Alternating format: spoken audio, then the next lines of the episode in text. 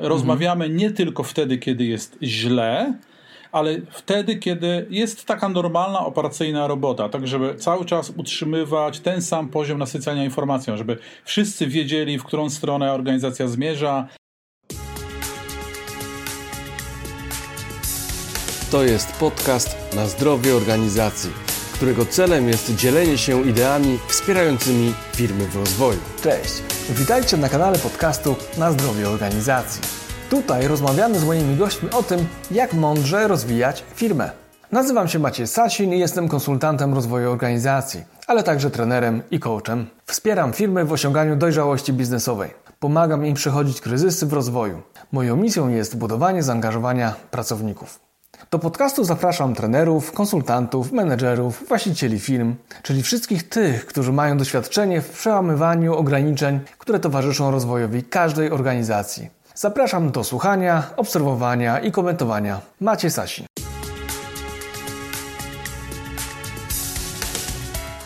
Cześć, witaj w 71. odcinku podcastu Na zdrowie organizacji. Z tej strony Maciej Sasin, Akademia Rozwoju Kompetencji.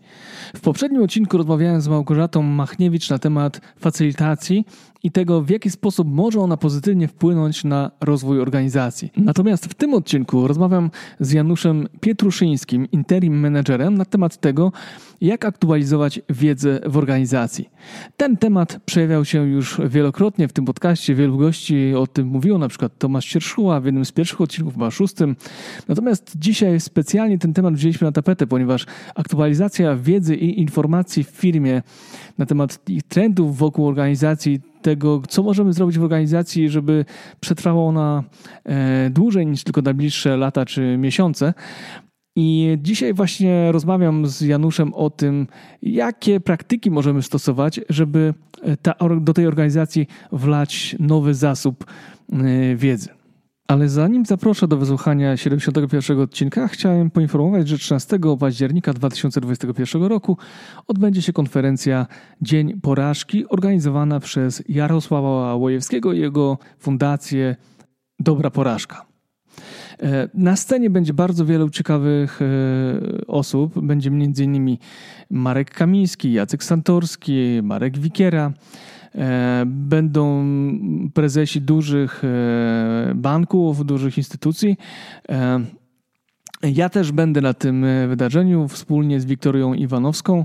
Będziemy prowadzić panel na temat tego, jak w 2020 roku zmienił się, zmieniło się myślenie na temat prowadzenia biznesu. Tutaj podzielimy się różnymi mm, wnioskami i o tym, jak radzić sobie w sytuacjach kryzysowych.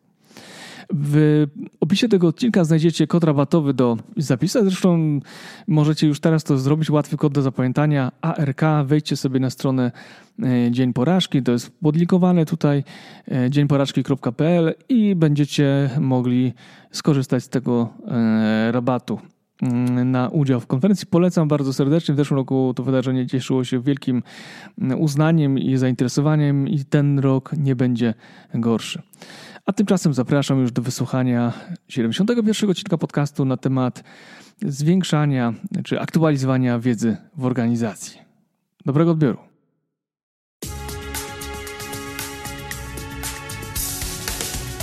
Witaj Janusz w kolejnym odcinku podcastu na zdrowie organizacji. E, cześć Maciej, mam wrażenie, że tak długo się omawialiśmy na to spotkanie, że myślałem, że już się nigdy nie uda. Tym bardziej się cieszę i wielkie dzięki za zaproszenie. Raptem miesiąc, bywało dłużej. Okej, okay. nie wiedziałem, że tak długo trzeba się z tobą umawiać. Słuchaj, ale wiesz co, to jest dla mnie w ogóle ciekawa rozmowa, bo się pierwszy raz widzimy, pierwszy raz się słyszymy, a wcześniej tylko telefonicznie rozmawialiśmy, a jak się poznaliśmy, poznaliśmy się w ten sposób, że byłeś u... E, poznaliśmy, no ja ciebie usłyszałem w podcaście u y, Wojtka Struzika i tam bardzo mi się spodobało to, y, o czym rozmawialiście y, i stwierdziłem, że fajnie byłoby o tym porozmawiać, bo tak naprawdę to, o czym chcę dzisiaj sobie porozmawiać, to było tylko częścią tej rozmowy.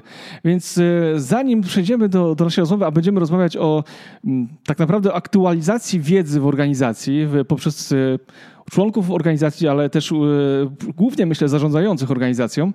Zanim przejdziemy, to oczywiście proszę Ciebie, żebyś krótko przedstawił się opowiedział, czym, czym się zajmujesz. Jasne. Fajnie, że wróciłeś do tamtej rozmowy, bo ona rzeczywiście była, była ciekawym doświadczeniem, miała też dosyć dobry feedback. E, pozdrawiam Ciebie i Twoich słuchaczy z rynku interimowego. Interimowego, czyli z rynku menedżerów do wynajęcia, bo jestem menedżerem do wynajęcia e, i pracuję w takim modelu, w którym sprzedaje się wielu firmom swoje kompetencje na godziny. Nic tutaj nie ma pewnego, rynek się bardzo dynamizuje, ale mi to bardzo odpowiada i to był świadomy e, wybór. To może będzie impuls też dla tych osób, które słuchając swojego podcastu szukają jakiegoś pomysłu na siebie, na swoje życie zawodowe, muszą jakoś zneutralizować różnego rodzaju obawy, więc e, chętnie się też podzielę tutaj e, tymi doświadczeniami. E, to, o czym będę z Tobą rozmawiał, o czym chcę też powiedzieć i co będę podkreślał, jest właśnie perspektywą interimową, interimową, czyli perspektywą człowieka, który nie funkcjonuje na co dzień w firmie, nie żyje tymi emocjami, przychodzi z zewnątrz, przywołany do rozwiązania jakiegoś problemu, do wsparcia w postaci jakiejś kompetencji. W związku z tym, mnie w odróżnieniu od pracowników, którzy na co dzień tworzą organizację, różni jedna kwestia, wydaje mi się, zasadnicza. Ja mhm. patrzę na to w sposób zupełnie chłodny, nie żyję tymi emocjami, emocjami, co pozwala mi nieco odważnie, czasami wręcz brawurowo albo bezczelnie zdefiniować pewne, pewne problemy, zwrócić na nie uwagę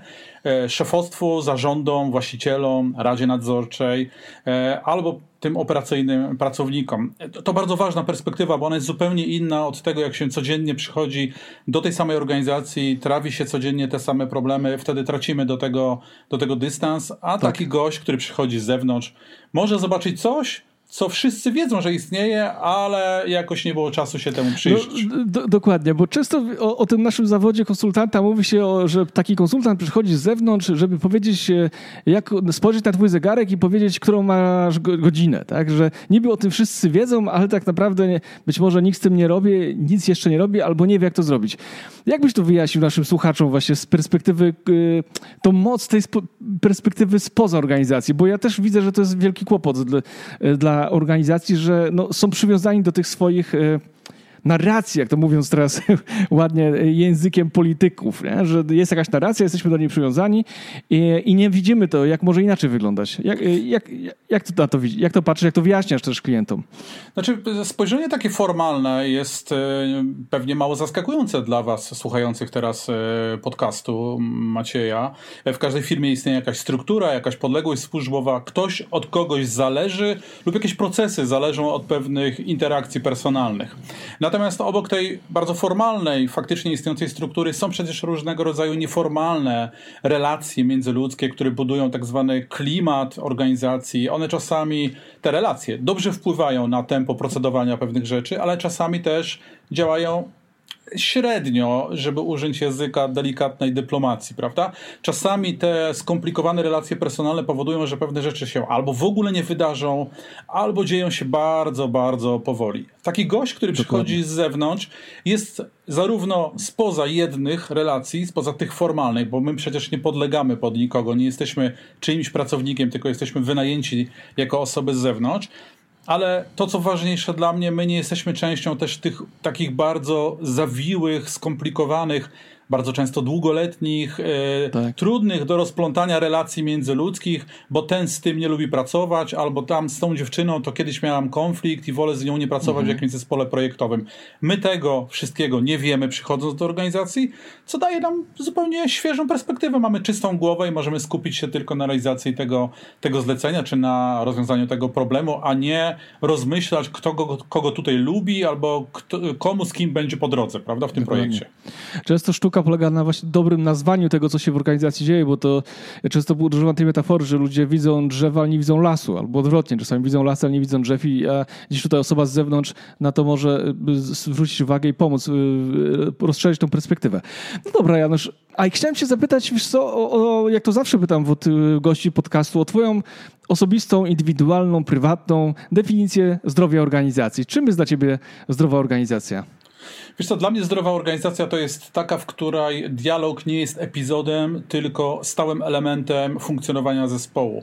Bo bardzo często, pewnie ty też to potwierdzisz, potwierdzą to twoi wcześniejsi goście, nasi słuchacze, że taka potrzeba dialogu następuje w sytuacjach kryzysowych. Dzieje się źle, no to teraz musimy usiąść i o tym porozmawiać, musimy mhm. rozczytać te problemy, które się nagromadziły. I czyni się z tego jakieś wielkie wydarzenie, że nagle ludzie, którzy ze sobą pracują rok, pięć lat, dziesięć, spotykają się w sali konferencyjnej albo wirtualnie i muszą na ten temat porozmawiać. E, dla mnie zdrowa organizacja to taka, w której tego rodzaju sytuacje nie są epizodem, nie są czymś szczególnym, tylko są stałą rutyną. Rozmawiamy nie tylko wtedy, kiedy jest źle, ale wtedy, kiedy jest taka normalna operacyjna robota, tak żeby cały czas utrzymywać ten sam poziom nasycania informacją, żeby wszyscy wiedzieli, w którą stronę organizacja zmierza, jakie ma problemy, co może być najbliższą przeszkodą. I to jest dla mnie też taki sygnał, kiedy w zespołach lub w organizacjach dzieje się źle, kiedy następuje bardzo długa przerwa w tej takiej bezpośredniej mm. interakcji, kiedy szefostwo albo zarządy ostatni raz ze swoim zespołem komunikowały się, nie mam tutaj na myśli myśli oficjalnych maili, tak. czy nie wiem, e, kurtuazyjnych życzeń z okazji kolejnych świąt. I kiedy te zarządy komunikują się, mm, nie wiem, z przerwą roczną czy dwuletnią, a przecież dobrze wiesz i potwierdzi, że są też takie organizacje, w których dialog w ogóle już przestał być prowadzony. I tak. nie przypisujmy te, tego wszystkiego COVID-owi, przerwie w chodzeniu do biur, czy przejściu do tej jakby komunikacji hybrydowej czy zdalnej. E, dla mnie pierwszym, najważniejszym takim mm, jakby sygnałem, że jest źle, a za chwilę może być bardzo źle, są zakłócenia te komunikacyjne, czyli ten taki dialog mhm. wewnętrzny. Ja wiem, że to jest strasznie takie mm, nośne hasło, ten e, dialog, dialog społeczny, bo tego się dużo pojawia w przestrzeni publicznej. Natomiast na takim poziomie bardzo operacyjnym, codziennym, roboczym, przestaliśmy ze sobą rozmawiać, mijamy się, tylko ze sobą egzystujemy. Za chwilę będzie w tej organizacji źle. Tak.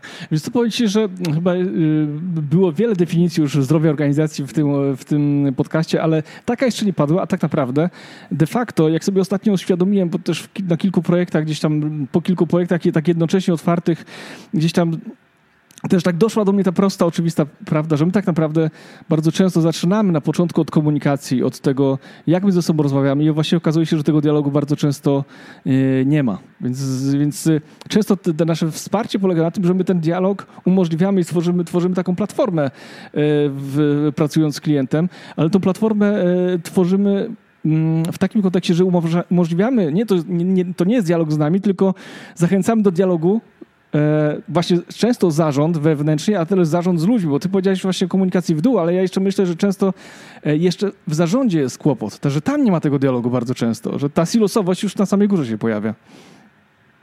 No zgadza się, bardzo, bardzo trefne spostrzeżenie, e, ale też to, co teraz powiedziałem, mam taką refleksję, że e, zacierają teraz ręce wszyscy coachowie, którzy może będą słuchali naszej rozmowy. Jakie to jest proste? Przyjść do organizacji i powiedzieć, słuchajcie, musicie ze sobą rozmawiać, dziękuję, wystawiam fakturę.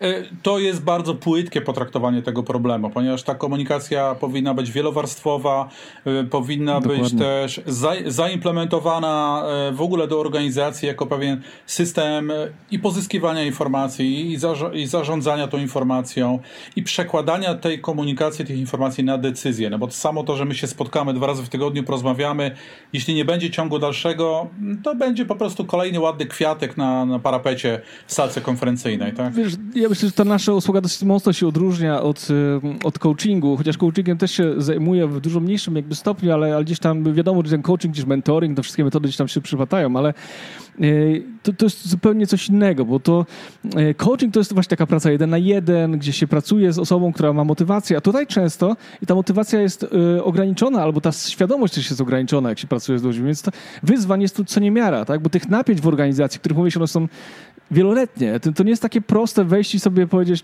po, pogadajmy dwa razy, w, y, zróbmy sobie pięć sesji tak? I, i, i koniec. Tak? E, tak to nie działa niestety. To jest proces często na miesiące, a jak nie na lata.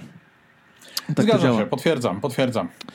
Y, no właśnie, ale y, właśnie z twojego doświadczenia, no bo już powiedziałeś o, o, o dużo tego dialogu brakuje, ale co jest jeszcze twoim takim, mm, co, jak wchodzisz do organizacji, co najczęściej tam nie działa? Oprócz właśnie dialogu, który, o braku dialogu, bo to już jest no, ważna, ważna rzecz, y, ważna sprawa, natomiast co, co jeszcze zauważasz najczęściej tak swoim okiem, kiedy wchodzisz, badasz organizację? Wiesz, to to, co mnie zaskakuje od lat i co wydaje mi się, że cały czas jest tym problemem nieprzepracowanym, e, to jest coś, co ja nazywam tak zwaną izolacją branżową. Jest bardzo dużo podmiotów, które są całkowicie wyizolowane, jeżeli chodzi o to, co się dzieje w ich sektorze rynkowym albo branży. Ku mojemu wielkiemu zaskoczeniu, firmy, które mają aspiracje bycia liderami, i w zasadzie za chwilę mogą stać się tymi liderami, bardzo mało wiedzą na przykład o współuczestnikach swojej branży. Nie wiedzą, jakie firmy mhm. w tej samej branży funkcjonują, e, czym te firmy się zajmują, e, jakie mają portfolio produktów, jak mają zorganizowaną sprzedaż. E, dużo firm jest bardzo skupionych tylko i wyłącznie na sobie, bez tej szerszej perspektywy. E, co potem zamienia się w takie mm, gorzkie zaskoczenie, że jak to taka mała firma, którą niedawno założyli jacyś młodzi ludzie, może działać lepiej od nas, mm -hmm. działa sprawniej, nie wiem, używa innych taktyk rynkowych. Więc e, ta izolacja branżowa jest czymś, co, co mnie zaskakuje i ja stawiam to dosyć wysoko na liście tych problemów, mm -hmm. bo w ślad za tym idzie też no tak, taka trochę nonszalancja w traktowaniu informacji rynkowych. To, że mhm. gdzieś mm, w tym samym regionie albo bardzo blisko pojawia się konkurencja, której trzeba się przyglądać, bo to może być za chwilę ważny rywal na rynku, jest e, traktowane na początku lekceważąco, e, mhm. później pojawiają się jakieś negatywne epitety, no na pewno nie dadzą rady, bo my istniejemy od 15 lat, co oni potrafią, tu już się pojawia arogancja, e, mhm. e, oni dopiero muszą znaleźć sobie pierwszych klientów, po czym nie mija rok, albo czasami nawet mniej czasu i ta firma bardzo intensywnie wchodzi w kolejną fazę rozwoju. I wtedy mhm. pojawiają się postawy agresywne, po, pojawiają się bardzo mocno nieetyczne zachowania, tak? Mhm. E, próby podbierania pracowników, jakieś próby też e, używania różnych taktyk PR-owskich do, do napiętnowania tej, tej działalności. Natomiast zobaczmy, Został przegapiony ten kluczowy moment, w którym ta firma się pojawiła, kiedy trzeba było się bardzo uważnie temu przyjrzeć. A teraz tak naprawdę macie, rozpatrujemy bardzo prostą sytuację. Jesteśmy my i pojawia się druga firma. Ale często przecież dobrze wiesz, na rynku jest zupełnie inna sytuacja. Jesteśmy my i pojawiają się cztery podmioty w tym samym czasie, Dokładnie. które chcą sobie wyciąć kawałek tortu. Yy, za tym idzie cała lawina różnych nieistniejących procesów w firmie. Nikt nie monitoruje tego rynku, nikt nie buduje sposobu przekazywania tego do, do zarządu. Zarząd też się tym nie interesuje, bo na przykład skupiony jest na jakiejś, e, nie wiem, e, wysoko postawionej konsumpcji, ma jakieś hobby, które zajmuje dużo czasu. To jest prawo zarządu, ja oczywiście tego nie mogę odmawiać, prawda? Ale też są obowiązki. Zarząd oprócz praw ma też obowiązki. E, biegnę do puenty, która chcę, żeby tutaj mocno wybrzmiała. Bez względu na to, jak dużą jesteście organizacją, albo jak dużą organizacją chcecie stać się za moment, bo życzę Wam, żebyście rośli bardzo szybko, nigdy nie możecie pozwolić sobie na takie całkowite wyizolowanie. Cały czas trzeba obserwować, co się dzieje na rynku, co się dzieje w Waszej branży, co się dzieje w Waszym segmencie, bo tam za chwilę może być firma, która Was nie tylko wyprzedzi, ale może zdominować całą branżę. Dokładnie, ale to, co ty mówisz, to też mi się bardzo mocno łączy z tym, o czym e, też chciałbym z tobą dzisiaj porozmawiać, bo e, to jest ta aktualizacja wiedzy, no bo benchmarking, czy porównywanie się do, czy obserwowanie w ogóle konkurencji, no to jest jednym z, działań, no z takich, powiedział, strategicznych, marketingowych, które powinniśmy wykonywać w firmach cyklicznie, przynajmniej ja nawet mówię, w firmie takiej szkoleniowo-doradczej jak, jak moja, nie, nie dłużej, no to my e, raz na, na trzy miesiące mamy firmy, które sobie obserwujemy i patrzymy, co oni robią. Po prostu przyglądamy się, jak działają, a często nawet rzeczywiście e, wchodzą takie młode firmy, takie wiesz, właśnie e, tu startują po dwóch czy trzech latach, rzeczywiście widać, że oni po prostu no, całkiem nieźle wiosłują i w pewnych rzeczach e, wyprzedzają, czy wyznaczają pewne nowe kierunki, o których człowiek wcześniej nie pomyślał, bo właśnie był zamknięty trochę na, na to. I ja przyznaję, że też, też miałem takie momenty, że gdzieś jako, teraz patrzysz na siebie jako przedsiębiorcę, że gdzieś pewne, pewne rzeczy przegapiłem. No i powiedz właśnie, bo teraz jesteśmy w przededniu rewolucji tak naprawdę, czy w trakcie rewolucji marketingowej, sprzedażowej, produkcyjnej, technologicznej, i właściwie no, ona już trwa od jakiegoś czasu, ale chyba COVID ją mocno przys przyspiesza. E, powiedz, jak, jak pchnąć w, w ducha, e, ducha, nowego ducha w organizację i w ogóle jak prze, e, wyjść z takiego letargu, w którym bardzo często tkwimy przecież w, w firmach? Wiesz co, ja bardzo mocno polecam metodykę, którą miałem okazję zaobserwować w jednej z firm, która prowadzi coś takiego, co nazywa się tak zwane check deski, czyli to są spotkania odbywające się dwa razy w miesiącu, na początku miesiąca i mniej więcej w połowie, w połowie cyklu, ale te spotkania odbywają się też, żeby wyraźnie spuentować jakiś taki dłuższy cykl, na mhm. przykład kwartał, półrocze albo rok. I to nie są spotkania, w których skupiamy się na wynikach operacyjnych. To mhm. nie są spotkania, które mają nas podprowadzić do podjęcia jakiejś decyzji, do wdrożenia czegoś. To są spotkania służące tylko i wyłącznie wymianie informacji. Natomiast każdy z pracowników ma takie same prawa, żeby na taki check desk firmowy przyprowadzić jakąś zmienną informacyjną, jakąś informację, jakąś uwaga, użyję modnego słowa, innowację, jakąś obserwację, nie po to, żeby od razu zmierzać do wniosków, tylko po to, żeby systematycznie, de facto to się dzieje co dwa tygodnie, nasycać organizację nowymi informacjami. Jeśli mhm. z czasem tych informacji będzie regularnie przybywało, zespół przestanie je bagatelizować, bo one zawsze są intrygujące, zawsze też zachęcają do, do jakiegoś myślenia, prawda? Mhm. I, I to jest jedna z najprostszych metod, które też mocno rekomenduję moim klientom, żeby otworzyć zespoły e, na to, żeby wymieniać się tymi, tymi informacjami. Te informacje są różnego kalibru, różne, różnego znaczenia, natomiast to co ważne, jeśli zaangażujemy każdego pracownika, to on trochę staje się rzecznikiem słusznej sprawy, bo zależy mu na tym, żeby zespół zwrócił na to uwagę. Mhm. E, jeśli ten proces dobrze zaimplementujemy, obudzimy taki wewnętrzny entuzjazm, to on z czasem staje się też procesem, gdzie z tych spotkań wychodzą pierwsze działania analityczne, mhm. bo szefostwo zaczyna dostrzegać, ok, to jest ciekawe, zacznijmy się temu przyglądać. Hmm, po co to wszystko? No na pewno nie po to, żeby odbywać kolejne spotkanie, bo ich mamy zawsze dużo, ale po to, żeby wyraźnie wyłączyć ten rodzaj spotkań z tej takiej rutyny tak, raportowo-excelowej, mhm. operacyjnej. Tak? To, są, to są spotkania, w których mamy tylko i wyłącznie powymieniać się informacjami. Ja mam taki zespół, który sobie wdrożył check deski nie po to, żeby wymieniać się informacjami na temat swojej branży, mhm. tylko po to, żeby przebudować komunikację wewnętrzną. Pracownicy, którzy tam e, pracują, przychodzą na check deski co dwa tygodnie, aby powiedzieć o rzeczach, którymi oni się interesują trochę pośrednio związane jest to z pracą, a trochę gdzieś obok. Mhm. Dzięki temu poszerzasz też jakby perspektywę tego współpracownika, który jest z tobą w pracy. Bo nagle się okazuje, że on słucha jakiegoś ciekawego podcastu, tak. że zwraca uwagę na jakieś ciekawe raporty, że w, pomiędzy projektami analizuje sobie jakieś nowe branże, które, które rosną. To wszystko jest wartość. Dla organizacji to tak. jest wartość. A powiedz, bo ja najczęściej, to o czym mówisz, najczęściej spotykałem się z tym właściwie naturalnie, to jest w dziale handlowym, gdzie handlowcy pozyskują informacje często od, od swoich klientów na temat działań konkurencji i później omawiają je gdzieś na, na spotkaniach handlowych.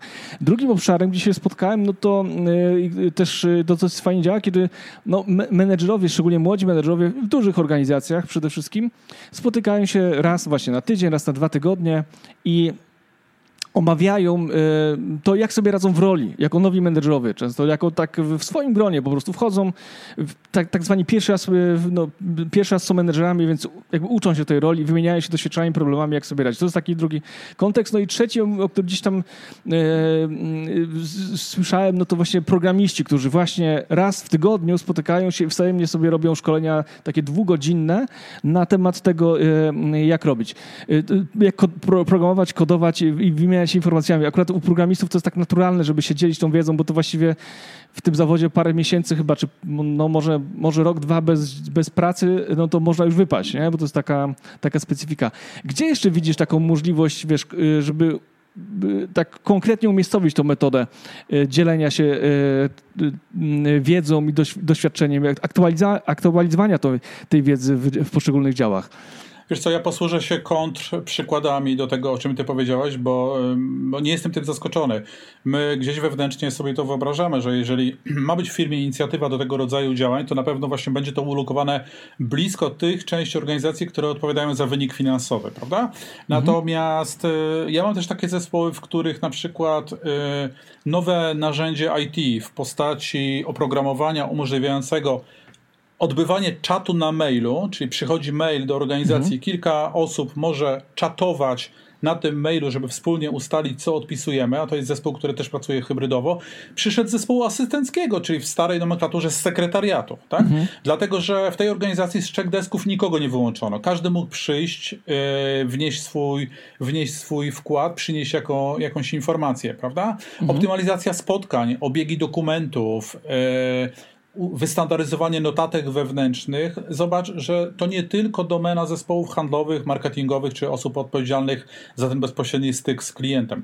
Więc y, y, ja jestem mocno przywiązany do tego, żeby jednak mm, budować ten model partycypacyjny, żeby nie wykluczać z części zespołu kogoś, kto w tym z różnych powodów brać nie będzie udziału, tylko żeby włączać jednak, jednak wszystkich, tak? To e... prawda, to prawda. Wiesz co, ja ci podam przykład, jak, jak jeszcze ja pracowałem wewnątrz organizacji, yy, zanim, że tak powiem, Y, przyniosłem się na, na, na szerokie wody biznesowe i prowadzenia działalności, to e, tą technikę też wykorzystuję w, jakby w konsultingu, że brałem jakby wszystkie osoby mm, z poszczególnych jednostek organizacyjnych, od sekretariatu po, wiesz, po handlowca, doradcy serwisowego, magazyn i tak dalej. Rzeczywiście w tym gronie bez kierowników udawało się rozwiązać, znaczy nazwać problemy i rozwiązać je na tym, na tym spotkaniu, czy kilku spotkaniach. I to, i to, i to ja też jestem zwolennikiem tego, żeby partycy, podchodzić partycypacyjnie i też szeroko, nie? Jakby, bo, tak naprawdę każdy ma wpływ na, na to, jak funkcjonuje. Nawet ta osoba w cudzysłowie z przysłowiowej e, myjni, czy, czy która zajmuje się sprzątaniem, tak? Ona też może optymalizować pewne procesy, które są ważne. Maciej, pamiętaj, że na razie podałem Ci jeden przykład, a teraz drugi, który może być sporym zaskoczeniem dla, mhm. dla słuchaczy Twojego podcastu. Mam też takie organizacje, w których ten poziom zaufania społecznego jest na tyle wypracowanej na bardzo wysokim poziomie, że na check deski zapraszane są firmy zewnętrzne. I nie mówię teraz o konsultantach, interimach, coachach, mhm. e, czyli tej części rynku, którą my reprezentujemy, tylko zapraszani są przedstawiciele firm, które nie są bezpośrednio konkurencją, tak. ale też działają na rynku, po to, żeby oni powiedzieli na przykład, co dzieje się w ich, e, w ich branży. Ostatnio miałem okazję, bo ja często jestem też takim biznes konektorem, e, robić taki check desk dla trzech branż, które krążą wokół rynku deweloperskiego, mhm. gdzie mamy i deweloperów, mamy firmy budowlane, mamy tych, którzy organizują finansowanie. E, to są firmy, które nie konkurują ze sobą, ale są bardzo blisko na rynku ze sobą. Mhm. Samo to, że oni się spotkali, zaczęli wymieniać się informacjami, co dzieje się na rynku, e, z godzinnego spotkania zrobiły się trzy godziny i cały czas towarzyszyło temu wielkie zaskoczenie, bo każdy miał część informacji o rynku, tak. ale dopiero to spotkanie pozwoliło spojrzeć jakby szerzej, jakby na, na całą tą perspektywę, perspektywę branżową, prawda?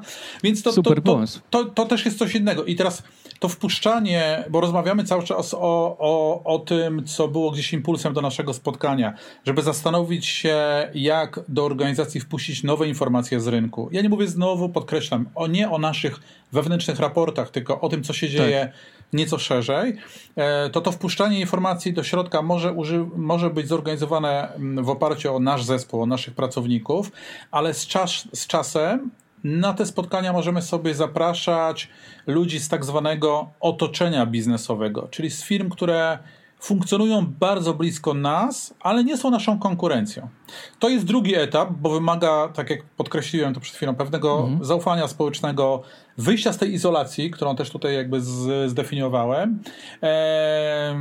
No i przede wszystkim no, z przekonania, że warto to robić, tak? Bo a do tego na samym początku trzeba no, zbudować sobie wewnątrz firmy jakąś koalicję, tak? No bo co nam tutaj po gościu z jednej firmy, co on może wiedzieć o naszej branży i tak dalej, i tak dalej, te wszystkie dylematy, które znamy. Tak. Więc ja ci powiem, bo y, y, jest, ja też sobie rozumiem taki problem y, na przykładzie marketingu, że Współcześnie marketing jest takim, tak pojemną dziedziną, bo mamy, y, gdzie właściwie są specjaliści, którzy zajmują się tylko nim. Na przykład są specjaliści tylko od Facebooka, tylko od Google, tam od Google Ads, są jeszcze specjaliści tylko od YouTube'a, są tylko, a nawet tylko od wideo i tak dalej, i tak dalej, i tak dalej. Teraz ktoś, kto prowadzi firmę, y, no musi nad tym jakoś y, mieć przynajmniej, wiesz, taki ogląd z, z lotu ptaka, żeby wiedzieć przynajmniej, gdzie się zwrócić i tą, jakąś, jakąś tą wiedzę aktualizować. A wiem, że ty masz taki fajny swój sposób, który też opowiadałeś o nim w podcaście, który pomaga y, tą wiedzę gromadzić, y, zatrudniając osoby do tego, żeby tą wiedzę wyszukiwały. No to tak, tak. Jakby wyczuwam, że zachęcasz mnie do powrotu do wątku o kuratorach treści. Tak. E, bo ten 2021, w, w, jeżeli chodzi o mnie, to jest taki bardzo silny wektor właśnie na tych kuratorów treści, e, czyli na osoby, które profesjonalnie zajmują się selekcjonowaniem tych informacji i oferowaniem ich za darmo lub za opłatą w pewnym modelu subskrypcyjnym albo w pewnym modelu dystrybucyjnym.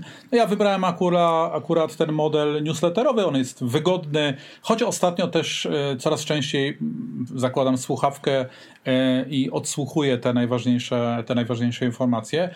Jesteśmy do, dosłownie przed eksplozją tego typu rozwiązań w Polsce również. Będzie ich coraz, coraz więcej. E, natomiast to nie, jest, to nie jest alibi, żeby samodzielnie też nie poszukiwać informacji, ja, bo sa, sam, wiesz, jakby sam proces wyboru tych kuratorów treści to jest też pewna praca do, do wykonania. E, ja, ja mogę powiedzieć z mojej perspektywy, e, jest ich tych kuratorów treści i kuratorek na tyle dużo i oni są wszyscy tak atrakcyjni, że chciałoby się ich wszystkich skonsumować, ale to jest bez sensu, bo to zaprzeczałoby tej całej idei, dokładnie. wstępnej tak, e, hipotezie, że ma to nam usprawnić coś i zaoszczędzić czasu. I to jest bardzo fajne, bo u mnie włączył się teraz taki model reglamentacji. Ja świadomie zaczynam z pewnych tematów rezygnować, bo one nie mhm. mają żadnego związku z, albo z moim portfolio, albo z tym, co teraz robię zawodowo, albo z moimi zainteresowaniami. E, a w to miejsce jakby wybieram sobie, wybieram sobie tych kuratorów, którzy są bardziej wartościowi. Rozmawiamy gdzieś w samym środku też y, wielkiej dyskusji o zmianach klimatycznych. Mhm. To jest temat, który kilka lat temu mnie zupełnie nie interesował. Dziś właśnie dzięki kuratorom zaczynam się przyglądać, bo to będzie bardzo mocno rezonowało de facto na cały biznes. Dokładnie. To, co się teraz dzieje. E, I, I znowu, wydawać by się mogło, że to jest y, informacja zupełnie niezwiązana z core biznesem, nie jest to związane z prowadzoną działalnością, a jak się głębiej zastanowić, to de facto nad tym powinna się pochylić każda organizacja. Mocno Was namawiam do tego, żebyście przestali tracić czas na influencerki, na influencerów, którzy w atrakcyjnym opakowaniu pokazują nam swój sposób na życie i to jest bardzo fajne, tylko jaką to daje Tobie wartość, a zwróćcie uwagę na tych, którzy w tym samym czasie i w nieco innej formie dostarczą Tobie bardzo wartościowe informacje, która może podnieść Twoją wartość na rynku pracy, albo po prostu podnieść Twoją wiedzę na jakiś wybrany temat. Kurator treści dla mnie jest dzisiaj kimś bardziej atrakcyjnym niż influencer. Dokładnie, czyli zatrudniamy, w cudzysłowie zatrudniamy, ale zlecamy pewnego rodzaju research e, osobom, które mają w danym temacie e, dużą wiedzę, duży, duży, e, duży jakiś taki background i one pomagają nam, nie my nie musimy tracić swojego czasu, ale dostajemy pewnego rodzaju esencję, takie creme de la creme, informacji, które możemy sobie przeanalizować i jeszcze bardziej zgłębić. Na tym to polega, tak? Ten, ta kurator. Tak, kurator... No, kurator w treści w bardzo dużym skrócie, takim definicyjnym, jest to osoba, która wycina kawałek internetu dla nas. E, w tym wyciętym kawałku internetu wyszukuje tylko najbardziej wartościowe treści. To są linki, portale, blogi, podcasty, a potem wysyła nam to e, co dwa dni, co trzy na, na newslettera albo e, w jakiś inny sposób możemy wchodzić na stronę korzystając z jakiegoś loginu. Jest to wiedza specjalistyczna, którą z jakiegoś powodu my, ty, ja, nasi słuchacze, e, ocenili, że będzie nam, nam przydatna. Jeśli interesują Cię zmiany klimatyczne, to sobie możesz znaleźć takiego kuratora treści, który się tym zajmuje. Jeśli natomiast na przykład interesuje Cię przyszłość medycyny, chcesz wiedzieć, w jaki mhm. sposób będziemy e, realizowali recepty w 2031, czyli za dekadę, no to są kuratorzy, którzy zajmują się tylko i wyłącznie tą, tą branżą. Wiesz co, ja, ci e, powiem, ja się obudziłem w swoim jakby zakresie, kiedy zacząłem rozmawiać słuchaj, z dwa lata temu, przed pandemią, rok przed pandemią, zacząłem rozmawiać ze znajomymi z Anglii, ze Stanów Zjednoczonych, którzy pytałem, jak wygląda rynek szkoleń tam i w ogóle edukacji. No okazało się, że to wszystko już tam jest online. Więc ja już zacząłem myśleć, dobra, no to w takim razie jak to już jest tam, to znaczy, że ja muszę też już myśleć o online. I tak się złożyło, że e, przed pandemią, jakieś 4 miesiące, właśnie zakupiłem platformę webinarową i zacząłem się tego gdzieś tam uczyć i to rozwijać. I ja myślę, że mm, chyba w taki sposób musimy patrzeć, że na, bo 5-10 lat w biznesie to jest już teraz moment, prawda? I jakby jeżeli nie będziemy śledzić trendów, nie będziemy się do nich dostosowywać szybciej i pod, podciągać pod te trendy, to niestety, ale no prędzej czy później wypadniemy z tego rynku. I to, jest, to zmierza do tego kłopotu w e, organizacji, które właśnie polega na tym, że my tej wiedzy nie aktualizujemy. Znaczy, możemy y, być sprawni technicznie w swojej dziedzinie, ale na, na temat tego, jak organizacja funkcjonuje, jak się zmieniają nie wiem, pokolenia chociażby, jak się zmieniają systemy zarządzania, jak się zmienia marketing, sprzedaż, no to już są rzeczy, których my bardzo często, znaczy w organizacjach często, no, no organizacje stoją w miejscu w tym zakresie bardzo często. Pewnie są organizacje, które sobie z tym radzą, tak żebyśmy też nie, nie przyciemnili całego tego rynku i, i e, cieka, ciekaw jestem, jaką drogą do tego, do tego doszli. Ale faktycznie przyjmijmy taką tezę wyjściową, że jest to jakiś problem rynkowy i warto się nad nim, nad nim pochylić. Tak? Ja znowu wrócę do tego, o czym rozmawialiśmy kilka minut temu, o tej takiej strukturze wewnętrznej, e, e, że tam ktoś jest kierownikiem, ktoś pod kimś podlega i tak dalej, mhm. oraz tej strukturze E, nieformalnej, tym układzie koleżeńsko-prywatnym. Ale mamy jeszcze trzecią strukturę, strukturę tak zwanych liderów opinii. To są takie mhm. osoby w organizacjach, które często nie zajmują ważnego, eksponowanego stanowiska, ale swoim światopoglądem, swoim nieco szerszym spojrzeniem na pewne problemy są cenione w organizacjach, bo to są osoby, które, mm, jak to się mówi kolokwialnie, są na bieżąco, albo mhm. wiedzą, co się będzie działo, albo umieją jakieś informacje wyszukać. Bardzo mocno zachęcam właścicieli, e, menadżerów, którzy zarządzają organizacjami, postawcie na tych ludzi. Niech oni będą mhm. liderami tych zmian, e, że informacja nie będzie bagatelizowana, że my będziemy potrafili się z tymi informacjami zmierzyć i e, to są osoby, które najczęściej też mają na tyle silną pozycję w firmach, że jeśli on, one, oni będą autorami takiego pomysłu, że spotkajmy się co dwa tygodnie, żeby powymieniać się informacjami, to ten pomysł nie zostanie gdzieś tam zmłotkowany, albo to zarząd kazał, albo nie wiem, to kierownik z działu handlowego narzucił. Mhm. Tak?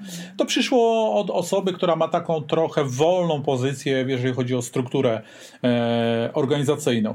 I ja ostatnio taką, mm, taką metodę wdrażałem w dosyć małej firmie, która zatrudnia raptem 30 osób. Ulokowaliśmy to przy stanowisku office managera, bo tam mhm. to stanowisko piastuje akurat facet i on miał wszystkie te cechy, o których teraz powiedziałem, tak? Jakby był nazywany takim firmowym wujkiem Google, że mhm. on wszystko wie, on coś tam czytał, posłuchał i to on jest liderem tego projektu checkdeskowego, który się u nich odbywa to są spotkania e, właśnie mm, gdzieś e, pod jego mm, osobowością, stylem, to on jakby zaproponował, żeby się spotykać.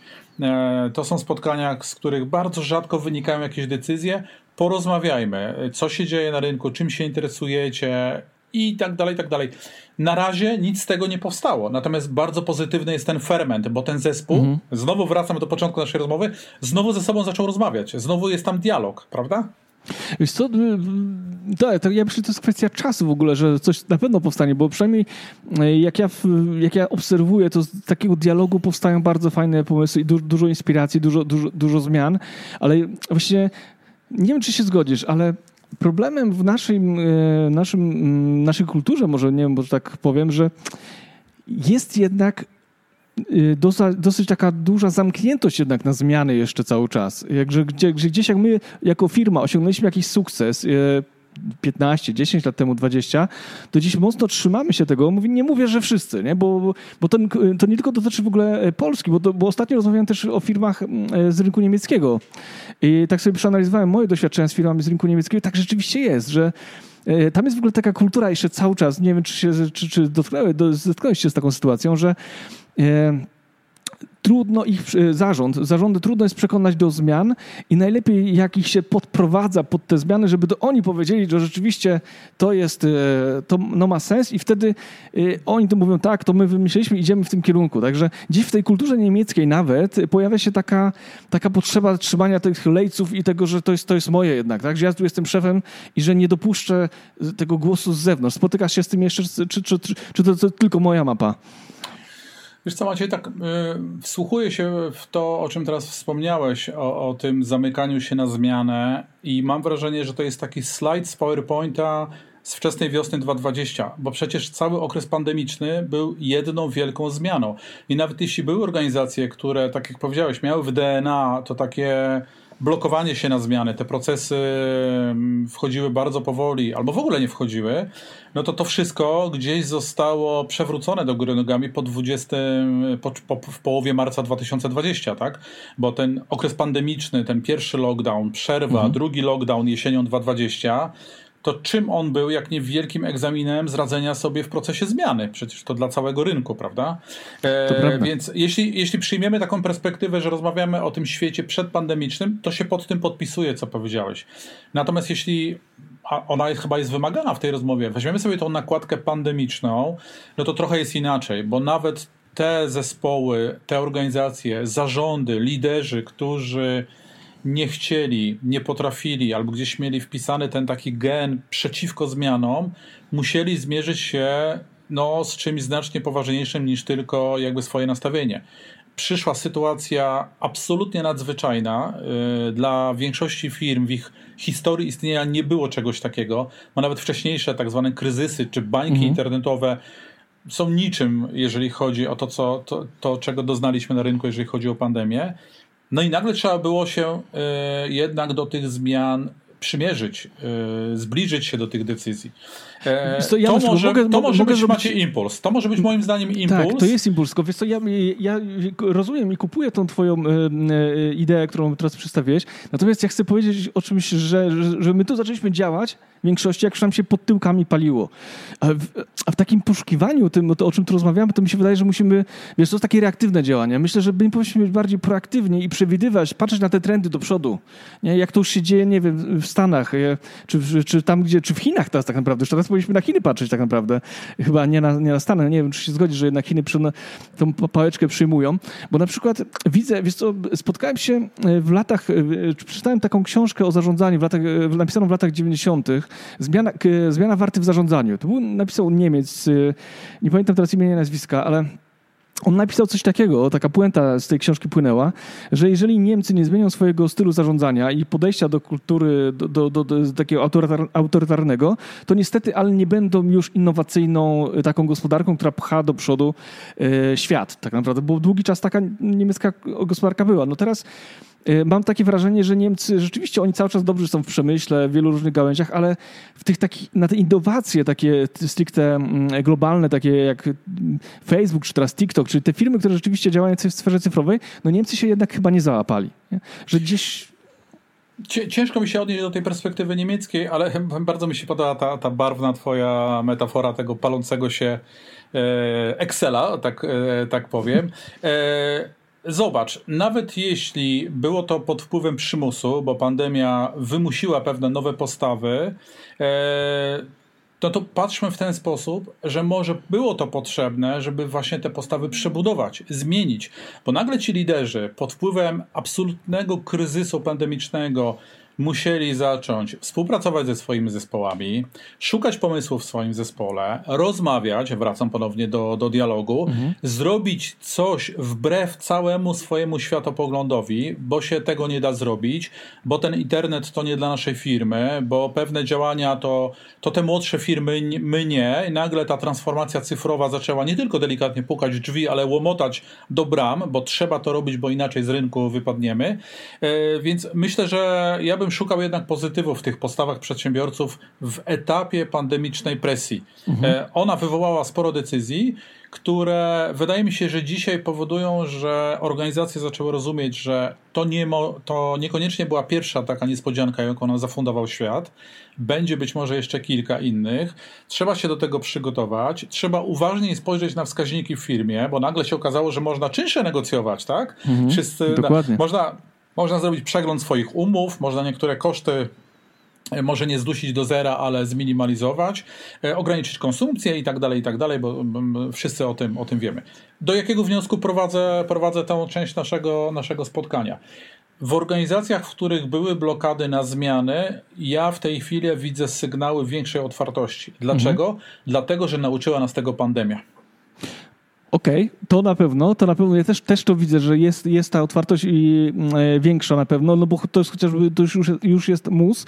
Natomiast E, moją taką ideą też jest to, żeby właśnie próbować jednak wyprzedzać ten moment. I bo, bo wiesz, kryzysy, kryzysy zdarzają się mniej więcej co 10-12 lat, czasami co 7. No mówi się, że tak to są 7 lat tłustych, 7 lat grubych, są te cykle koniunkturalne, one są coraz mniej widoczne, ale no, ten 2008 rok, wtedy ten, ten kryzys, on też pozamiał to dosyć mocno. Ja mam wrażenie, że on nawet bardziej tak, e, bo dlatego, że pracowałem w tej branży motoryzacyjnej, może bardziej go odczuliśmy, bo, bo my wtedy zaliczyliśmy po prostu no, mega wielki spadek sprzedaży.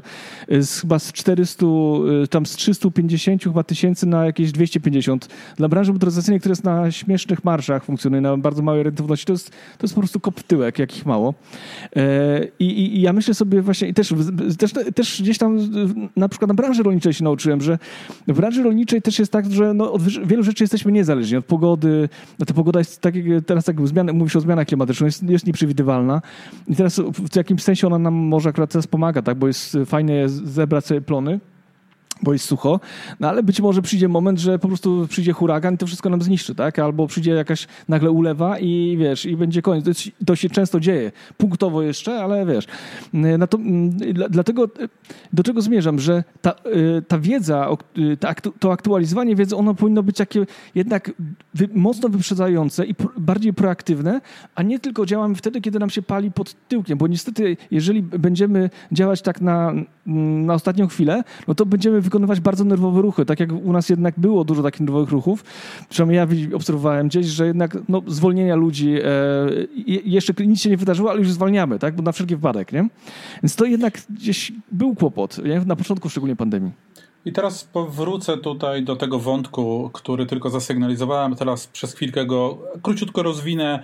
E, tego takiego bardzo rytualnego wprowadzania nowych informacji do firmy, implementowania do, do organizacji informacji z rynku. Ten rytuał, żeby robić to dwukrotnie w ciągu miesiąca, Powiedzmy, że mamy omówione, poszukamy sobie tutaj plusów, może część z Was gdzieś Wam się to kliknie, że warto to robić. Natomiast spójrzmy teraz na te dłuższe cykle. E, jeśli kończy się półrocze, czy kończy się cały rok, to oprócz celebry, no bo my wtedy mhm. mamy ochotę poświętować sobie wyniki sprzedażowe e, i mamy do tego prawo, e, powinniśmy też złapać ten moment, kiedy sobie zbierzemy informacje z tego cyklu. Tak? Co w tych pierwszych sześciu miesiącach danego roku wydarzyło się w naszej branży, w otoczeniu, w obszarze sprzedaży, obsługi klienta, co się dzieje, jakie są nowe zjawiska. Porozmawiajmy o tym, powymieniajmy się, co my zauważyliśmy, prawda? E, po to, żeby nie być zaskoczonym, że dzieje się coś, co za chwilę stanie się codziennością, standardem, a my, jako dojrzała organizacja, lub organizacja niedojrzała, ale z takimi ambicjami bycia takim e, ważnym graczem, e, coś zlekceważyliśmy nie dlatego, że to stało się dla nas mało ważne, tylko dlatego, że w ogóle nie wiedzieliśmy, że to się, że to się dzieje, prawda? Mhm, tak. E, I no, teraz przykład, tak? bo, bo było dużo takich e, teorii. E, teraz mam okazję pracować e, e, też blisko branży motoryzacyjnej. E, prawie w każdym raporcie, który ostatnio do mnie dociera, również od kuratorów treści, widzę wyraźne sygnały, że jesteśmy w tej dekadzie, w której my już przestaniemy, macie jeździć samochodem na przegląd. To serwis tak. przyjedzie do nas po samochód. Jak rozmawiam z właścicielami stacji diagnostycznych i mówię o tym, że to za chwilę będzie jedna z podstawowych czynności, że to ty pojedziesz po samochód, wykonasz przegląd, badanie techniczne, e, następnie w jakimś szybkim modelu transakcyjnym, a jest to możliwe od strony finansowej, e, sfakturujesz, zapłacisz i samochód zostanie odstawiony do klienta, to widzę wielkie oczy zdziwienia. No nie, no ale to my nie będziemy tego robili, niech klient do nas przyjedzie. I widzę tutaj taką, e, ja to nazywam taka biała flaga informacyjna jest wywieszona. Oni protestują przeciwko temu, że świat się zmienia, tak? tak. E, a to zaraz będzie standard. To będzie standard zaraz. Tak, więc to my, słuchaj, my już eksperymentowaliśmy z tym tematem w 2010 roku, bo ja właśnie po stronie dealera pracowałem e, i nam się wtedy to nie spięło. Nie? To były takie czasy, że jeszcze nam się to nie spięło, w tym sensie, że nie było firm gotowych skorzystać z takiej usługi. No za, trochę było za mało, żeby, wiesz, żeby zainwestować w samochód, żeby taki, który tam pojedzie, wiesz, to wszystko, to wszystko zrobi. Ale widzisz, no, pewne, pewne rzeczy też trzeba się wbić jakby w czas. Znaczy nie zawsze, jak, jak myślisz tak do przodu innowacyjnie, że od razu osiągniesz osiągniesz sukces, to nie oznacza, że się mylisz. Nie? To nie oznacza, że się mylisz, nie popełniasz. To tak, e, Macie, tylko czy wygoda klienta jest innowacją? Nie, jest po prostu znakiem czasów, bo tak jak mówisz, dekadę temu e, to mogła być zmienna mało istotna dla klienta, ten klient się też zmienia, nasze nawyki się trochę zmieniają. E, ta tak zwana e, lazy economy, czyli gospodarka lenistwa, zaczyna się w tej chwili bardzo mocno e, panoszyć na rynku, bo coraz więcej rzeczy chcemy, żeby ktoś lub coś za nas robiło. My rozmawiamy, a tam jeździ jakiś okrągły odkurzacz po domu, co dekadę temu mhm. też było przecież niemożliwe, tak. prawda? E, więc może te punkty bez znaczenia 10 lat temu, dzisiaj stają się takimi świecącymi lampeczkami, którym warto się tak. przyglądać. Prawda? Może, tak, może warto odkurzyć też te pomysły, które kiedyś były i warto do nich wrócić, czy, czy dzisiaj e, nie ma... E, kiedyś może były kosztowne i drogie, a może dzisiaj są bardzo łatwe do wdrożenia i warto się e, do nich wrócić. Ja, no, fajnie w ogóle, że o tym powiedziałeś, bo przecież marketing automation na przykład, no to jest, to jest kolejna bajka, tak? Żeby tak zautomatyzować marketing, żeby pewne rzeczy działy się poza obsługą, żeby nie trzeba było na to tracić czasu. I to jest kolejna rzecz, która bardzo nam się y, będzie rozwijać. Czy mm, chatboty z kolei, nie? czy, czy, czy te takie centra, y, call center, gdzie już tak naprawdę możemy nie zdawać sobie sprawy, że rozmawiamy z botem, czy z botem, czy właśnie zaprogramowanym y, dialogiem tak naprawdę. Nie? No tak, tylko w przypadku tych rozwiązań to jesteśmy w takiej dekadzie, która jest taka bardzo społeczna, bo my jeszcze protestujemy i jakby pierwsza reakcja to jest ten refren, bo ta nowoczesność, ta technologia zabiera ludziom pracę. Znamy ten refren, no tak, tak bardzo tak. mocno wybrzmiewa. Dopiero potem zauważamy, że to w zasadzie jest nawet wygodne, a na trzecim dopiero planie mamy tę optymalizację, że to dla firmy jest po prostu opłacalne tak normalnie biznesowo, tak? Więc e, dopóki ten pierwszy refren, ten refren społeczny społeczny, że i sztuczna inteligencja, i automatyzacja to, to, to jest zło, no bo ludzie stracą pracę, przestanie tak mocno wybrzmiewać, to do głosu dojdzie ten, ten drugi element, który no, spowoduje jakąś eksplozję popularności pod koniec tych lat dwudziestych, czyli nam się to przestanie E, nie podobać, tylko zaczniemy to akceptować, zaczniemy to wdrażać, firmy zaczną po to, po to sięgać. To wszystko dosłownie jutro, a może pojutrze, czyli w, no, w najbliższych kilku latach, prawda? Tak, dokładnie. To się dzieje. No, na przykład w Japonii już coraz więcej hoteli pozbawionych recepcjonistów. E, przecież e, wchodzisz, wchodzisz otwierasz aplikacją, tele, telefonem wejście do hotelu, nie ma tam nikogo, wszystko, wszystko robisz jakby samodzielnie, można powiedzieć. I w Polsce też są takie systemy, jak ktoś ma na przykład kilkanaście apartamentów czy pokoi gdzieś tam na wynajem, taki krótkoterminowy, jogos często nie ma nikogo, po prostu wchodzisz, e, jest, e, otwierasz skrzynkę, tam masz kartę, nikogo nie ma, sam się obsługujesz. To też wymaga też zaufania. Myślę, też, e, to też się zmienia bardzo mocno, nie? żeby tak pozwolić ludziom bez opieki korzystać z jakiegoś tam mienia. Wiesz, za, tak, za, za, zaprosiłeś dzisiaj technoentuzjastę, ale umiem sobie wyobrazić, że tu obok nas usiadłby jednak technosceptyk, czy, czy osoba, która jednak widzi w tym więcej, więcej minusów i no też musimy być świadomi, że na rynku są też osoby, które mają bardzo duży sceptycyzm do tych rozwiązań, bo tam wybrzmiewa ten wątek społeczny, prawda? A no bo gdzieś tam się wizualizuje ta recepcjonistka, która z tego powodu straciła pracę albo w ogóle tej pracy nie dostała, bo tam jest aplikacja na przykład, e, w, która nam obsługuje tą, tą rejestrację, czy systemy dostępowe, czy biometria i, i szereg innych e, rozwiązań, prawda? Zauważ, że e, wśród krytyków tych techno rozwiązań, dużo jest osób jednak, które mocno akcentuje te aspekty, aspekty społeczne, prawda? Co, to prawda, to prawda. No, ten film e, Amerykańska Fabryka na Netflixie, nie wiem czy widziałeś, e, tam prognoza mówi o tym, że do końca chyba 2030 roku 500 milionów ludzi traci, straci pracę w wyniku robotyzacji. 500 milionów ludzi to jest, to jest e, jedna dziesiąta prawdopodobnie tego takiego świata, może nawet takiego no, bogatszego, można powiedzieć. Nie? Że...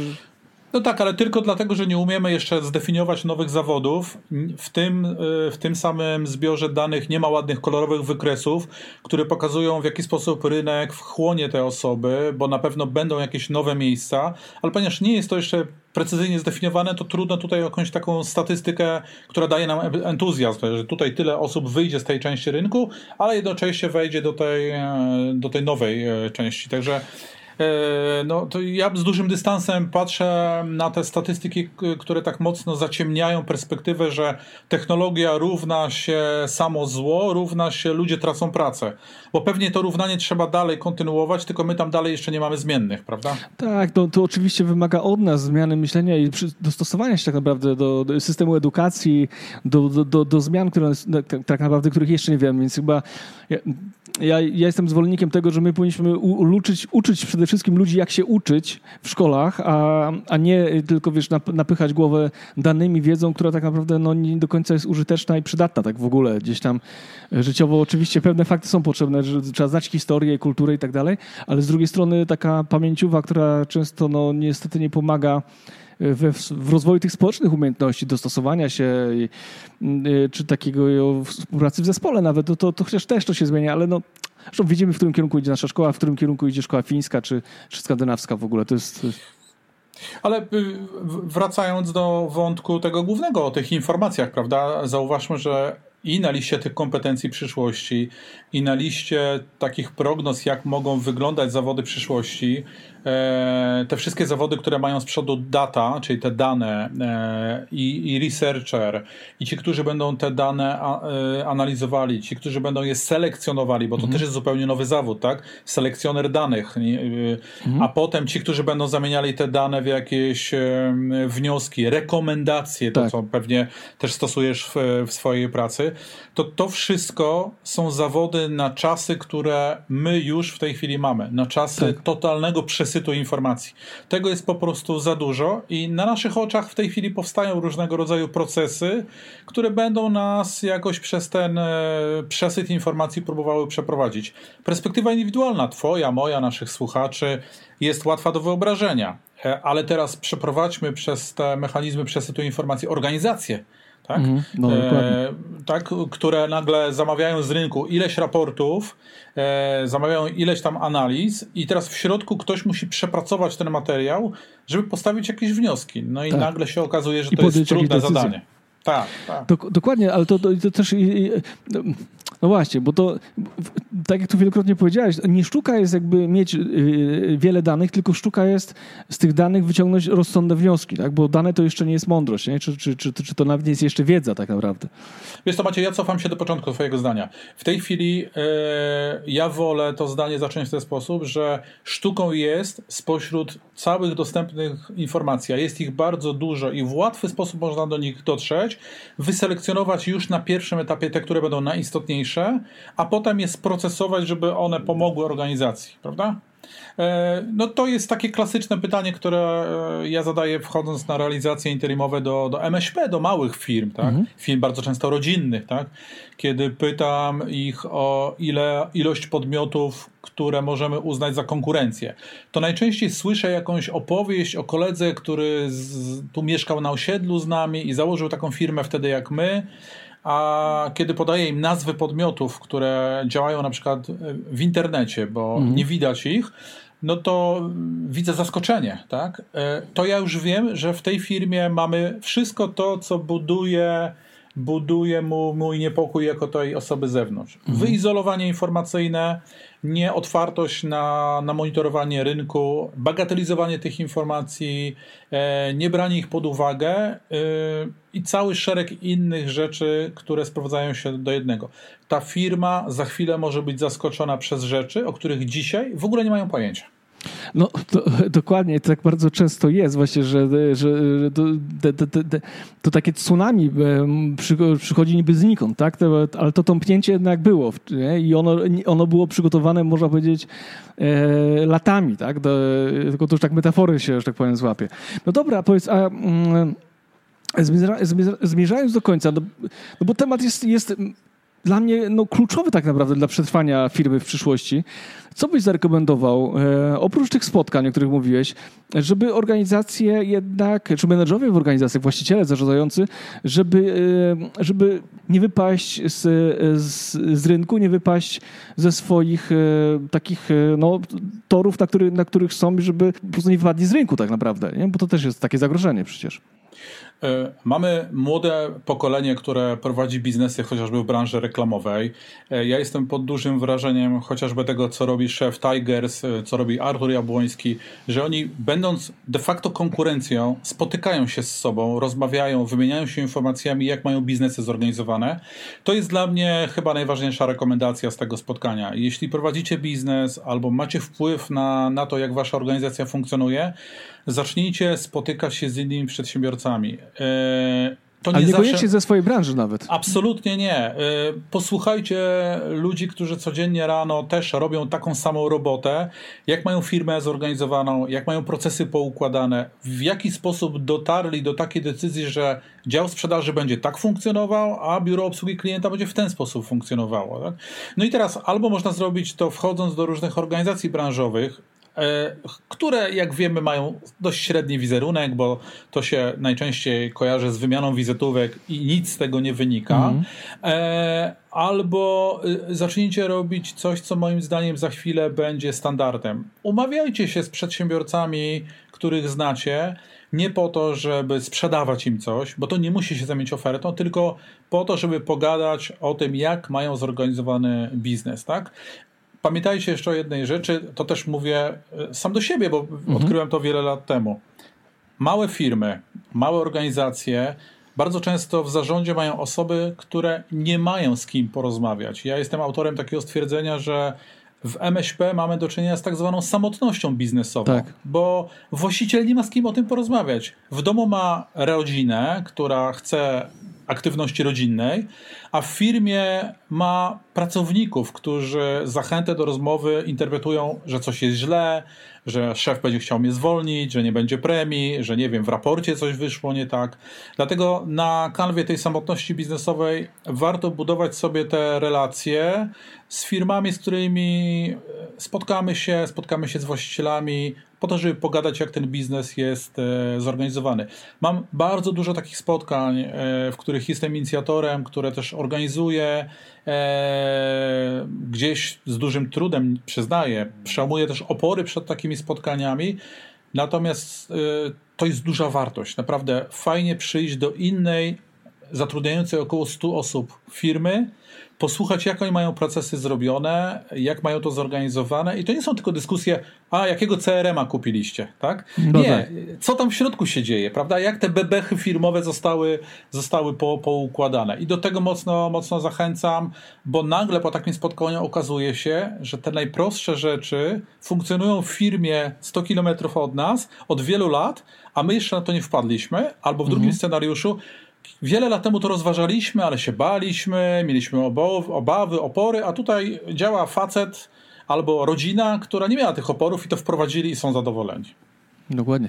Super, fajnie. To znaczy musimy się po prostu otworzyć na nie tylko na, na, na, na, na, na branżę, jak na przykład, nie wiem, mam drukarnię, otwieram i, i rozmawiam z innymi drukarzami, tylko właśnie rozmawiam z firmami, które są związane w ogóle, albo nie związane nawet z moją branżą, po to, żeby zobaczyć, jak można tą samą pracę tak naprawdę często, która je, jest do wykonania, wykonać, zorganizować w zupełnie inny sposób, zainspirować się i być może przemodelować to, co w naszej organizacji, do czego się przyzwyczailiśmy, bo nie wyobrażaliśmy sobie, że to może inaczej wyglądać.